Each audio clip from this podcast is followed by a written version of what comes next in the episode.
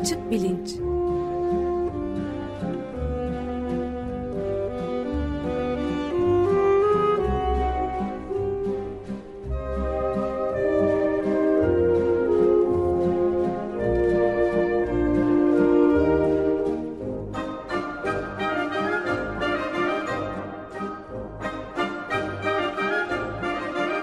Güven Güzeldere ile bilim ve felsefe sohbetleri. Günaydın Güven Bey, merhabalar. Günaydın Ömer Bey. Günaydın. Günaydın Özdeş. Evet, Açık Bilinç'te bugün Unabomber lakaplı Ted Kaczynski'nin durumunu konuşacağız galiba değil mi? Evet, e, şimdi geçen hafta dinleyici destek şenliğiydi. Siz e, bahsettiniz daha önce de her şey iyi gitti diye anlıyorum değil mi genel olarak? Evet evet. Bugün son şeyde 61 son e, okuma fırsatı bulamadığımız destekçilerimizden 61 kişinin de şeylerini bu sabah okuduk Özdeş'le beraber isimlerini vermek ve 1695 pazartesi günü dün gelen 24 kişiyle destekçiyle beraber ve devam ediyor tabii. Evet. Ee, evet yani www.açıkradyo.com.tr sitesinden e, program destekçisi olun butonuna tıklayarak e, hala yıl boyu istenildiği zaman destekçi olunabilir Açık Radyo ki bağımsız kalabilsin. Evet ben de buradan Açık Radyo destekçilerine teşekkürümü ekleyeyim buna o halde. Bu 20. destek şenliği de e, iyi bir şekilde bitti. Destekler eksilmiyor sağ olsun e, dinleyicilerimiz. Ve programcılarımız tabii onlar da müthiş bir performans gösterdiler. Gerçekten muazzam bir çeşitlilik ve dinamizm içinde oldu geçti. Onlara da ayrıca teşekkür etmeyi bir borç biliriz. Evet. E, şimdi ben bugünkü programa geleyim. E, bugün e, Ted Kaczynski isimli bir e, matematikçinin e, işte müebbet hapis cezası ile ABD'de Kuzey Carolina'da bir hapiste cezasını çekmekteyken ölü bulunması üzerine Kaczynski'nin hayatı hakkında bir şeyler söylemek istiyorum. Çünkü ilginç bir e, kişi Kaczynski Unabomber ismiyle e, ya da kod ismiyle biliniyordu. E, Amerika'da e, FBI'ın yani Amerikan işte iç işleriyle uğraşan polis e, kurumunun e, bulmak için en çok para harcadığı kişiymiş. 50 milyon doların üzerinde para harcanmış Ted Kaczynski'yi bulmak için. E, en sonunda da e, erkek kardeşinin verdiği bir takım ipuçları sayesinde bulunuyor Kaczynski. E, bu da kendi başına başka ilginç bir soruyu da getiriyor. Onu da en sonunda e, ifade etmek istiyorum. Bir tür ahlaki açmazla aslında karşı karşıya kalıyor diye düşünüyorum erkek kardeşi. Çünkü e, Ted Kaczynski'nin e, bu işte e, bombalar postalayarak insanları öldüren ve yaralayan kişi olduğundan şüpheleniyor adam fakat polise gitsin mi gitmesin mi filan neyse sonunda gitmeye karar veriyor. Bu konuya da bilahare geliriz fakat Kaczynski'nin ilginç bir hayatı var. E, biraz ondan bahsetmek istiyorum öncelikle. E, ee, 1942 yılında doğmuş ve e, birkaç gün önce 10 Haziran'da e, işte hücresinde ölü bulunmuş. E, nasıl öldüğü söylenmiyor fakat e, gazetelerden öğrendiğim kadarıyla intihar olduğu iddia ediliyor ama işte şimdi açıklandı diyor son haberde elimizde bugün itibariyle açıklandı diyor. İleri derecede e, kanser hastasıydı ama intihar ettiği açıklanmış resmi makamlar tarafından. Evet yani intihar ettiği e, kesin kabul ediliyor fakat ne şekilde intihar ettiğine dair bir bilgi bulamadım. Yok ben de görmedim evet her halükarda yani tabii bu tür e, hapiste tutulan insanların intihar etmesine izin verilmeyecek bir sistem olduğu iddia ediliyor Amerika'da ama öyle olmuyor. Öyle olmuyor hiç. Daha önce de geçen sene işte Jeffrey Epstein diye milyoner bir adam e, hapiste tutulurken hatta çok önemli bilgiler vermek üzereyken intihar etti işte kendini astı filan dendi. Onun da ne olduğu aslında belirsiz kaldı kısmen belirsiz kaldı.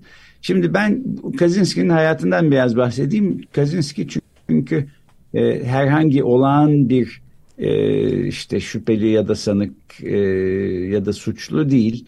E, Harvard Üniversitesi'nde e, matematik okumuş e, ve matematikçiler arasında deha kabul edilen e, çok akıllı bir adam. E, akıl hastası mı değil mi o da aslında tam belli değil. Çünkü e, bir takım hapishane psikologları kendisine şizofren e, kişilik bozukluğu teşhisi koyuyorlar ama Kazinski bunu şiddetle reddediyor. Ben e, şizofren falan değilim. E, hiç delizyonlarda görmüyorum ya da sesler duymuyorum. E, şizofreniye hiç uygun değil benim tanımım falan diyordu.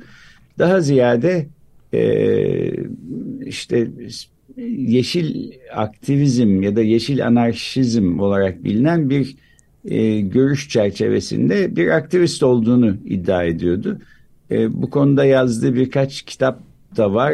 E, yani akıllı bir kişi olduğundan e, aslında sürekli bir şeyler de yayınlıyor. Zaten ama bu fikirle... kitapları içerideyken e, yazıyor sanırım. Dışarıdayken evet. bu eylemler sırasında değil yani. Evet, bir tanesi hariç o da e, aslında yakalanmasına neden evet. olan e, manifesto. Evet, 70-75 sayfalık bir manifesto var bu illa basılsın istiyor gazetelerde. O aslında yakalanmasına neden oluyor. Belki böyle bir şey yapmasa e, uzun yıllar daha e, işte yaşamakta olduğu Montana eyaletinde küçük bir kabinde yaşıyormuş. Elektriği ve suyu olmayan bir yerde. E, herkesten uzak e, filan bir e, hayat sürerken e, kardeşinin FBI'ye gitmesi sonucunda yakalanmış. Evet New York Times ve Washington Post'ta 35 bin kelimelik manifestosu e, FBI'ın da yani Federal Polis Teşkilatı'nın da belki buluruz diye yayınlanması için zorlaması var. Bu iki büyük gazetesinin Amerika'nın. Kardeşi de onun üzerine sizin bahsettiğiniz gibi evet. E, şüphe, üslubundan da netleşti net, net, netleştiğini düşünüyor ve gidip bunu, bu onun söylediklerindendir bu manifestoda söyledikler benim abimin ya da kardeşimin Ted Kaczynski'nin diyor. Evet aynen öyle. Ee, zaten kardeşiyle daha önce epey bir mektuplaşmaları olmuş. Ee, bu mektupları FBI'ye veriyor kardeşi ve oradan işte bir dil bilimsel analizde filan e, yaptırdıktan sonra FBI neredeyse emin oluyor. Bu bu adam aradığımız kişi bu gerçekten diye. Çünkü işte kendi başına bir kabinde yaşarken portatif elektrikli olmayan bir e, daktilosu var. Onunla yazıyor her şeyini. E, ama akıllı bir kişi olduğundan hiçbir iz bırakmamaya e, büyük özen gösteriyor ve işte Amerika'nın değişik yerlerine giderek değişik postanelerden bu bombaları postalıyor. Bombaları da işte kendisi imal ediyor bir şekilde onu öğreniyor. Ee, anladığım kadarıyla e, elektriği ve suyu olmayan küçük bir kabinde yaşayıp işte doğada kendi başına e, başının çaresine bakmayı da sonradan öğreniyor. Yani çocukluğunda filan böyle bir e, hayat geçirmiş birisi değil. E, şimdi e, çok akıllı bir kişi olduğu söyleniyor. İşte şeyden orta halli bir aileden e, geliyor erkek kardeşiyle beraber. E, lisede e, işte üstün başarı gösteriyor özellikle matematik konusunda birkaç sınıf atlıyor. E, 16 yaşındayken e, Harvard Üniversitesi'ne kabul ediliyor. Orada da matematik okuyor. Harvard'dan sonra da Michigan Üniversitesi'ne giderek doktora yapıyor matematik doktorası. Ee, daha başarılı... sonra daha sonra da pardon sözünü kestim Berkeley'de de e, hoca oluyor. Hoca evet. oluyor evet yardımcı profesörlük yapıyor. Yani başarılı bir test çalışmasının ardından da Kaliforniya Üniversitesi Berkeley'de e, matematik öğretim üyesi olarak atanıyor matematik bölümünde. Fakat bu çok uzun sürmüyor çünkü e, Kaczynski'nin aslında daha önemli başka bir derdi var. O da teknoloji karşıtlığı. E, sanayi toplumunun insanları ve gezegeni işte e, ölüme götürdüğünü düşünüyor ve bunun hakkında bir şey yapılması gerektiğine karar veriyor. Ee, bir kere kendisi teknolojiden elini eteğini çekiyor öncelikle. Yani böyle elektriği suyu olmayan bir kabinde bilgisayara ya da işte ne bileyim cep telefonu falan gibi şeyler hiç elini sürmeden ki yakalandığı e, yıllarda cep telefonları yeni yeni ortaya çıkmaya başlamıştı. e, yaşaması bunun bir anlamda bir göstergesi. Fakat bunun yanı sıra e, insanlığı sanayi toplumuna doğru iten e, kişi ve kurumlara karşı da savaş açıyor. E, kendi kafasınca ve e, işte böyle e, çeşitli yerlerden e, mektup gibi ya da herhangi bir paket gibi e, bombaları postalıyor.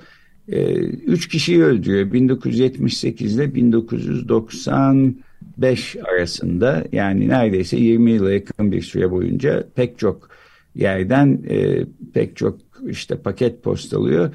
23 kişi yaralanıyor. Bunun içinde çok ciddi yaralananlar, işte parmaklarını kaybedenler, gözünü kaybedenler falan da var. Sakat kalanlar var, evet. Sakat kalanlar. Evet, 3 kişi de ölüyor. E, şimdi Amerika'da e, Amerika Birleşik Devletleri'nde işte eyaletlerin kendi polis sistemleri var ve bir tür ademi merkeziyetçi bir e, sistemle yönetiliyor Amerika ama bazen pek çok eyaleti kapsayan bir suç olduğu düşünülürse FBI denilen Federal Bureau of Investigation e, federal polis devreye giriyor ve e, işte eyaletler arası e, işlenen suçların peşine düşüyor. E, Kaczynski'nin de yolladığı bombalar işte bir süre sonra önce o eyaletlerin polisi tarafından incelenirken işte ilkini 25 Mayıs 1978'de yollamış. Northwestern Üniversitesi'nde e, bir yere yolluyor. Paketi açan e, işte üniversitenin güvenlik görevlisi ve bir doktor öğrencisi yaralanıyorlar. E, daha sonra mesela Amerikan Hava Yolları'nın işte bir uçağının kargosuna bir paket e, sokmayı başarıyor. Fakat e, o bomba patlamıyor. E, yalnızca işte e, duman falan çıkarttığı için e, uçak acil iniş yapıyor ve e, işte paketi oradan çıkartıyorlar. Ama deniyor ki patlasaydı eğer e, 1979 senesinde bu uçuşta işte herkes ölecekti. E, uçak havada infilak edecekti filan. E, son gönderdiği pakette 1995 yılında e, Kaliforniya Sacramento'da e, işte böyle e, ormancılık ve odun kesiminin e, destekçisi bir lobi faaliyetleri yürüten e, bir adama yolluyor ve bu adamı öldürmeyi e, beceriyor bu bombasıyla. E, dediğim gibi üç kişi öldürmüş, üçü de e, ikisi e, son zamanlarında son iki yolladığı bomba e, herhalde bomba yapımını filan da daha efektif bir şekilde yapmayı öğreniyor. 94 ve 95'te yolladığı iki bomba e, ölüme neden olmuş. Ondan önce de 1985 miydi? 1985'te yolladığı bir bomba. Yani her yolladığı bombayla birilerini öldürmeyi beceremiyor. Öldürmek e, istediği halde bazı insanlar yalnızca yaralanıyorlar. Evet falan. yakınıyor hatta insan öldüremediği için gönderdiği bombalar ilk evet. 7-8 yıl yeteri kadar güçlü olmadığı için günlük tutmuş çünkü. Yani çok gençlik yıllarından beri tutuyormuş. Hatta şifreli en son bu bombalı saldırılarını bir de matematik şifrelerle kelimelerle değil yani rakamlarla tutuyor sonra çözüyorlar şifreyi. Orada bir türlü öldürmeyi başaramadığından yakınıyor. Evet, evet. terörist düpedüz aslında evet. tabii. Evet. Yuna, evet. Yuna bomber lafı da şeyden geliyor değil mi? Yani hava üniversite ve hava yolları bombacısının kısaltılmışı. Evet, university evet. ve airline e, kelimelerinden Bomber. Yuna oluşuyor. Bomb da işte bomba. Bomber, evet. Yani U üniversiteden A Airline'den çünkü hem üniversitelere hem de hava yollarına e, bombaları yollayıp onları hedeflediği için ilk başta e, başına 50 bin dolarlık bir ödül konuyor. Fakat daha sonra adamın e, gerçekten niyetinin ciddi olduğu ve işte daha pek çok kişiyi öldürebileceği anlaşıldıktan sonra FBI bu e, ödülü 1 milyon dolara e, yükseltiyor. Şimdi Aa, bu bulamadı... bu, bu ilginçmiş. E, kardeşe e, verildi mi böyle bir ödül? Ha, çok güzel. İşte bulamadığım bilgilerden birisi o. Aslında evet, sanırım öyle bir şey yok çünkü. Evet ben de bilmiyorum onu. yani, öğrenemedim yani. Evet kardeşi e, şeyi bilmiyor. Adamın nerede yaşadı işte şurada yaşıyor gidin e, bulun kardeşim yapmıştır falan demiyor. Yalnızca e, bu yayınlanan gazetede yayınlanan işte 70-75 sayfalık e, manifestoyu okuduğu zaman eyvah bunu galiba benim kardeşim yazdı diye bir fikre e, sahip oluyor. Üslubundan filan ve kardeşinin mektuplarını polise veriyor. Dolayısıyla o paraları aldı mı almadı mı bilmiyorum. Yani As aslında aldım. hatta şöyle diye geçiyor. Karısı, kardeşinin karısı e, uyanıyor bu, bu mektuptan söylediklerinden, onun konuşmalarından e, daha önceki yıllarda karşılaşmalarından hatırlıyormuş. O bunu e, kardeşin olabilir dediğinde ilk inanmadığını söylüyor. Bir röportajı vardı çünkü. İnan inanamadım, evet. konduramadım. Çünkü gidip bir ormanda onlarca yıldır orada yaşıyordu e, demiş. Evet. Fakat daha sonra annesini e, ziyarete gidiyor. Orada yazdığı daha önceki mektuplar annesine yazdığı çok daha erken bir dönemde e, işte bu sanayi toplumunun teknolojinin kötülüğüne dair ön manifestonun öncülü kabul edebilecek mektupları bulmuş. O zaman ya galiba bu benim kardeşim diye ikna olmuş. İlk eşine inanmamış yani. Evet. E, şimdi bu e, yayınlamak istediği manifestonun başlığı sanayi toplumu ve onun geleceği. E, New York Times ve Washington Post gazeteleri işte FBI'ye gidiyorlar böyle bir e, çünkü yanında bir mektupla birlikte yollanıyor bu manifesto. Diyor ki Kaczynski ya bunu yayınlarsınız yayınlarsanız bombalar e, postalayıp insanları öldürmekten vazgeçeceğim. Yayınlamazsanız devam edeceğim. E, gazete yöneticileri de işte polise gidip biz ne yapalım diye soruyorlar. E, Adalet Bakanlığı ve polis işte birlikte peki yayınlansın diye karar veriyor. Bu aslında tabii yayınlanması Kaczynski'nin yakalanmasına da neden olan hikaye. Çünkü ancak o yayınlandıktan sonra kardeşi görüyor ve e, ya bu benim abim olabilir diye düşünüyor filan. E, fakat e, başka kitapları da var. E, hapse girdikten sonra orada yazmaya devam ediyor. Kendisi hakkında yazılan makaleler ve kitaplar da var. İşte hatta bir televizyon serisine dönüştürülmüş hayat hikayesi var. Ben de bir iki belgesel izlemiştim e, Ted Kaczynski hakkında. E, şimdi buradan belki e, bir de bu ahlaki açmaz konusuna da geleyim. Diyelim e, siz Ted Kaczynski gibi bir insanın kardeşisiniz. Yani şüpheleniyorsunuz ki suçları işleyen kişi sizin kardeşiniz olabilir. E, ne yapardınız? Polise gider miydiniz? İhbar eder miydiniz? Çünkü kardeşi bir yandan da rahatsızlık duyuyor e, bu şekilde bilinmekten ve hatta FBI ile bir pazarlığa oturuyor. E, diyor ki ben size işte kardeşimin yazdığı mektupları vereceğim. E, bundan belki yola çıkarak e, onu yakalayabileceksiniz filan ama benim ismim gizli kalmalı. E, duyulmasını istemiyor bunun. FBI'de tamam e, peki gizli kalacak kimseye söylemeyeceğiz diye söz veriyorlar ama bu sözler genellikle tutulamadığı için işte bir televizyon şirketi galiba buluyor e, nasıl olduğunu, kardeşinin işte ihbarda bulunduğunu filan ve e, haberi patlatıyor. Dolayısıyla ondan sonra da kardeşinin ismi işte belgesellerde filan e, sıkça geçer. Evet, Amerikan Federal Polis Teşkilatı FBI'ın hangi sözünü tuttuğu görülmüş ki şimdiye kadar. Evet, son derece doğru. E, fakat yine de bu soruyu sorabiliriz. Yani bence burada kültürel kodlarla alakalı bir şey de var. Ahlaki açmaz diyorum. Niye? Çünkü işte ahlaki bir karar vermek zorunda kardeşi. İki seçeneği var gibi gözüküyor. Ya gidecek polise bir şeyler söyleyecek ya da söylemeyecek. E, üçüncü bir e, ihtimal yok. E, söylerse işte belki bir e, başka insanların ölümüne sebep olan bir kişinin yakalanmasını sağlayacak ama aynı zamanda kardeşi de hapse girecek ve belki de idam edilecek. İşte idam cezasından kurtulmak için e, ömür boyu müebbet hapis konusunda bir anlaşmaya varıyor. Bu anlaşma karşılığında e, Ted Kaczynski işte yaptıklarını e, anlatıyor, itiraf ediyor filan. E, galiba sekiz kere ağırlaştırılmış mü, müebbet cezasıyla e, hapiste yatıyormuş ve işte öldüğü üç gün önceki olaya kadar da hiç hapisten çıkmamış, çıkma ihtimali de yokmuş falan e, deniyor.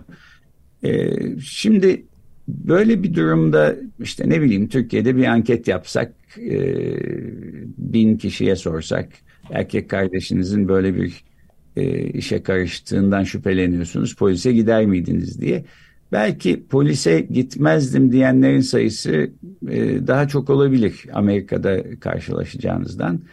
E, olmayabilir ama yani bunu bir çalışma neticesinde söylemiyorum. Fakat e, Amerika Birleşik Devletleri'nde bir şekilde sisteme güven ve e, işte kardeşin de olsa onu ihbar etmelisin filan gibi bir görüş e, çok yaygın.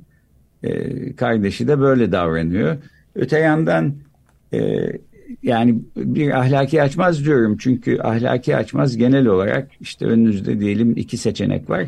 İkisini de yapmanız, seçmeniz için bazı nedenleriniz var. Fakat seçmemeniz için nedenleriniz de var. Yani e, hangi işte iki ucu e, kirli değnek diyelim. Onun gibi bir durum. Ne yapsanız kurtulamıyorsunuz. Hiçbir şey yapmamak da bir e, seçeneklerden birisi ama onun da bir takım sonuçları var.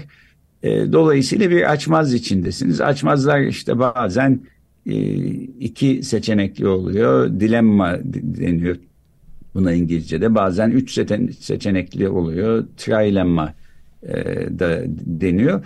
Ben bu konuda aslında bir başka seri yapmak e, niyetindeyim. Onu da söyleyeyim şimdi parantez içinde hemen. E, yani işte birkaç hafta önceki seçimler neticesinde iktidarın değişmediğini gördük. Ben değişecek, değişebilir diye düşünüyordum. Ee, uzun yıllar e, işte elinde gücü korumuş ve şeffaflıktan uzak pratiklere e, girmiş çıkmış iktidarlar e, iktidardan düştükleri zaman genellikle e, bir tür ahlaki açmazla karşılaşıyor e, o iktidarların e, zamanında yönettiği ülkeler. Yani kaynaklarınızın ve zamanınızın ne kadarını bu işte iktidarın yaptığı yolsuzlukları e, incelemeye ayıracaksınız. E, iktidarların iktidarda kalma süresi uzadığı müddetçe uzadığı zaman e, bu işlere bulaşmış kişilerin sayısı da çok büyümüş oluyor. Ve e, burada bir ahlaki açmaz var diyorum. Çünkü hem bir hesaplaşma olsun istiyorsunuz hem de e, bütün e, işte yeni iktidar mesela bütün kaynaklarını buna ayırmak istemiyor. E, buna benzer bir şey Güney Afrika'da olmuştu ve e, gerçekle yüzleşme komisyonları diye komisyonlar kurarak e, işte bazı insanların itirafları sonucunda yargılanmalarının e, yargılanmamalarını sağlamıştı bu komisyon sistemi. Daha sonra bu Bosna'da da olmuş. Böyle bir şey belki Türkiye içinde gündeme gelebilir diye düşünmüştüm. Dolayısıyla bu e, gerçekle yüzleşme komisyonlarının hukuki yapısı hakkında çalışan işte bazı hukukçular, e, öğretim üyeleriyle konuşmuştum. Böyle bir seri yapalım diye. E, ahlaki açmaz konusu da felsefede iyi bilinen bir konudur. Onu da daha önce de konuğumuz olan olmuş olan e, felsefeci Ümit Yalçın anlatacak diye sözleşmiştik. Her şey hazırdı fakat şimdi biraz boşa düşmüş oldu gibi en azından bir süreliğine e, bu seri. Bunu e, belki ileride yaparım her halükarda e, şimdiden olsun yani bu gündemimizde olacak bir konu diye düşünüyorum Türkiye'nin gelecekteki gündeminde ahlaki açmaz konusu. Neyse burada da bu Unabomber denilen üniversite ve hava yolları bombacısı Ted Kaczynski'nin ölümüyle bu yeniden gündeme geldi. Ee, Ama burada galiba ahlaki açmaz meselesini kardeşi şöyle açıklıyordu. Yani sonuçta terör eylemleri gerçekleştiren birini ihbar etmek kardeşi bile olsa bunda ahlaki bir çıkmaz görmüyor. Ee, Amerika'da idam cezasının verilmiş olması ve anneleri de yaşıyor. Yani evet. ona bir anda onu öldürecekler ve bize anneme haberini verecekler. Buna da ben sebep olmuş olacağım diye bir evet, şey evet, var. Çok yönlü bir şey. Evet. Yani bu hakikati arama komisyonları konusunda da açık e, gazete programlarında zaman zaman konuşmalarda yapmıştık. Evet. Mithat Sancar'la da konuşmuştuk. Güney Afrika'daki şeyi mesela. Evet. Kendisi o konuda evet. uzman. Evet. Ahlaki açmazda şöyle bir şey de var. Ahlaki açmaz konusunda yani ee, eğer sisteme duyulan güven azaldıysa, yargıya duyulan güven e, bu tür e, davranışlarda da bir azalma görülüyor haliyle. Çünkü işte polise gideceksiniz ya da yargıya taşıyacaksınız, ihbar edeceksiniz ama güveniniz yok polise de yargıya da onların doğru şey yapacağı konusunda evet. bir e, kanaat de edinmiş değilsiniz. Dolayısıyla boşu boşuna e, işte kardeşinizi ihbar etmiş olacaksınız filan diye düşünüp bunu yap bunu yapmamaya da karar verebilirsiniz. Neyse ahlaki açmaz konusu öyle. Bunu daha Bu detaylı ileride detaylı konuşabiliriz galiba süreyi de bitirdik yani. Evet saati de 10 ettik. Ee, yani Ted Kaczynski'nin ilginç hikayesi de böyle. Ee, işte 81 yaşında mıydı? Evet, evet 81, 81 yaşında. Ee, ölmüş oldu. Amerika'da zaman zaman Ted Kaczynski vari işler yapan insanlar e, çıkıyorlar. İşte sağ solu bombalıyorlar, bir şeyler yapıyorlar filan. Ama bu tür bireysel e, çabaların işte e, pek bir yere varacağı gözükmüyor. E, Ted Kaczynski olayında da sanki biraz öyle oldu gibime geliyor. Peki çok teşekkür ederiz Güven Bey. Ben teşekkür ederim. Görüşmek, Görüşmek üzere. Görüşmek üzere. Hoşçakalın.